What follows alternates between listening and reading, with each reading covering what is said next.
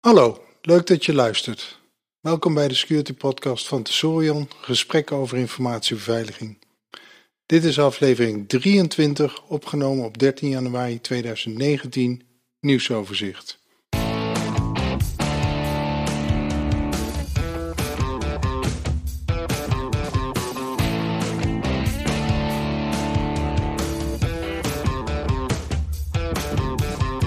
In deze aflevering Dark Overlord, Ethereum hack, data van Duitse politici gelekt, zoeken naar gebreken. Ik ben Lex Borger en dit is een mini-podcast.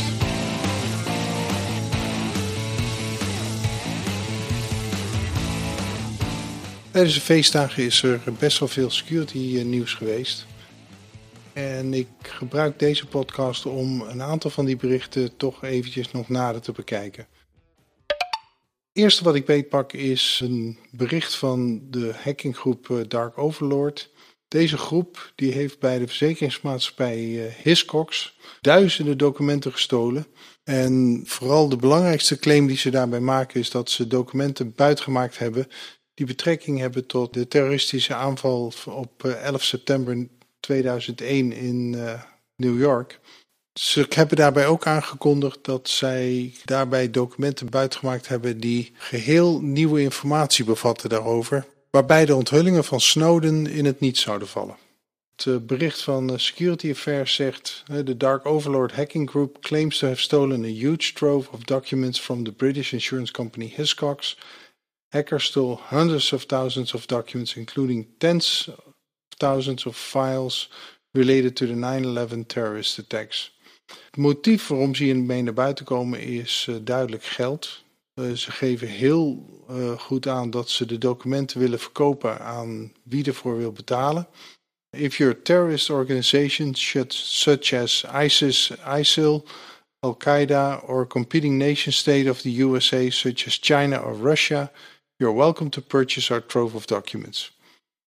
Dit is begin januari eh, bekend geworden. En inmiddels lees ik ook dat in de Russische media dat er een tweede ronde van documenten is gepubliceerd. Maar dat komt dan alleen eh, uit die hoek eh, als bericht. Ik denk dat de andere media gekozen hebben voor een stilte.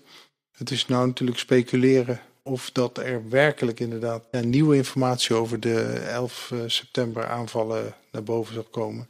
Eerlijk gezegd verwacht ik eerder dat dat niet zo is. Zeker omdat nou in die uh, eerste en waarschijnlijk ook tweede ronde helemaal niet zoveel uh, interessants naar boven is gekomen. Een tweede bericht is een Bitcoin gerelateerd bericht. De munt Classic Ethereum is uh, gehackt en de hack is een mooie uitvoering, voor zover je van mooi kunt spreken, van een 51% aanval. En het laat zien dat nou met de hoeveelheid cryptocurrencies die er zijn, eigenlijk uh, dit geldt voor iedere uh, blockchain, met de hoeveelheid blockchains die er zijn, dat het niet ondenkbaar is dat een aanvaller die motief heeft om de blockchain te verstoren, ook werkelijk inderdaad uh, kortdurend zoveel rekenkracht kan inzetten om meer dan, 51, of ja, meer dan 50% van de rekencapaciteit voor nieuwe bloks uh, te, pakken te nemen en dan ook een 51% eh, attack uh, te kunnen uitvoeren. En dit is natuurlijk de, het grote fundament van cryptocurrencies, is dat zo'n aanval niet mogelijk zou zijn. Dus dit zaagt echt gewoon e-, aan de basis van het vertrouwen in uh, cryptocurrencies. En wat er gebeurd is, Coinbase delisted Ethereum Classic after detecting a deep chain reorganization of Ethereum Classic blockchain. Put another way, nearly $500,000 was spent twice. Eh, toch wel makkelijk als je ineens als aanvaller kunt wegkomen en zo in feite 500.000 dollar aan waarde kunt creëren.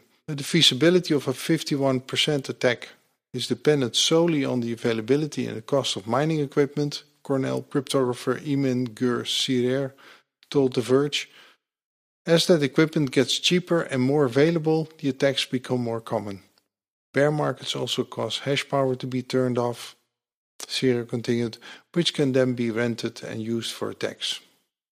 Ja, hiermee zie je dus inderdaad, als er minder nodes zijn om uh, legitiem uh, te minen en er is uh, heel veel computing power te huur, dan kun je investeren in een kortdurende aanval die succesvol kan zijn. Volgende bericht gaat over de data van Duitse politici die is gelekt.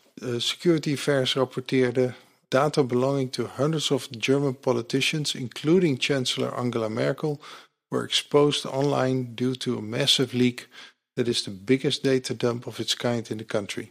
Simon Hegelic, a political scientist at the Munich Technical University, told Bloomberg that it looks like the hackers got the passwords to Facebook accounts and Twitter profiles and worked their way up from there. It's a very elaborately done social engineering attack, he said Friday by the phone.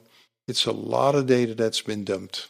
En hier zie je dus inderdaad ook weer van als politicus uh, ben je een behoorlijk gevoelig subject voor de social media, die je aan de andere kant weer heel graag gebruikt om juist je politieke uitingen te doen.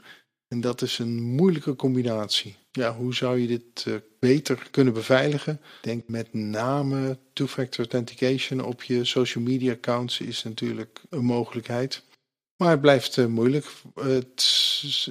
Two-factor authentication buiten de Verenigde Staten is volgens mij ook moeilijker voor elkaar te krijgen. Dat zou weliswaar kunnen verklaren waarom het hier een uh, aanval op Duitsland uh, betreft. En als laatste berichtje heb ik niet zozeer een nieuwsbericht, alhoewel alles wat uh, Brian Krebs op zijn website publiceert is best wel nieuwswaardig. Hij heeft vlak voor de kerst een vrij lang artikel uh, gepubliceerd. Eigenlijk geïnspireerd op de Marriott hack waar ik al eerder over gesproken heb. Waarin hij zich verbaast over het feit dat er zoveel uh, organisaties zijn die gewoon hun cyberhygiëne niet op orde hebben. Hij zegt: uh, What's remarkable is how many organizations don't make an effort to view their public online assets as the rest of the world sees them until it's too late. A 96 page report in PDF released this week by House Oversight Committee found the Equifax breach was entirely preventable. For 76 days beginning mid May 2017, intruders made more than 9,000 queries on 48 Equifax databases. Hij zegt dit om dus gewoon te laten zien in hoeverre uh, Equifax geholpen zou zijn geweest als ze bijvoorbeeld een sok hadden gehad die gewoon monitoring had gedaan op de activiteiten op eh, het eigen netwerk. Want dan zou dit soort zaken gewoon hartstikke zichtbaar zijn geweest. En hij vervolgt nog met companies with advanced security maturity also are regularly taking a hard look at what their outward facing security posture says to the rest of the world, fully cognizant that appearances matter. Ja, dit is waarmee Brian aanduidt dat uh, de categorie van advanced companies uh, toch echt wel uh, de zaken goed op orde hebben door gewoon te kijken van hoe ben ik van buitenaf te zien en wat kan ik daartegen doen.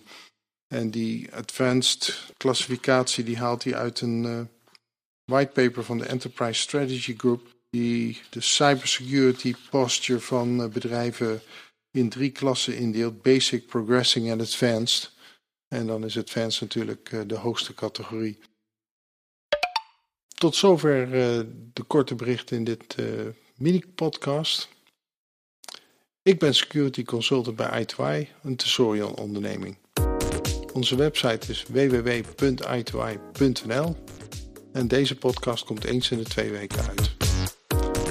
Afleveringen zijn te vinden als nieuwsitem op onze website kunt je ook abonneren op de podcast via de feedlink https www.i2i.nl slash feed slash podcast. En dat is i2i met i-to-i. We wachten nog even op de verhuizing naar de Tesorion website om de podcast ook in Apple iTunes en Google Podcasts vindbaar te maken. Daarover meer wanneer dit beschikbaar is. En dan sluit ik hierbij af. Tot de volgende keer.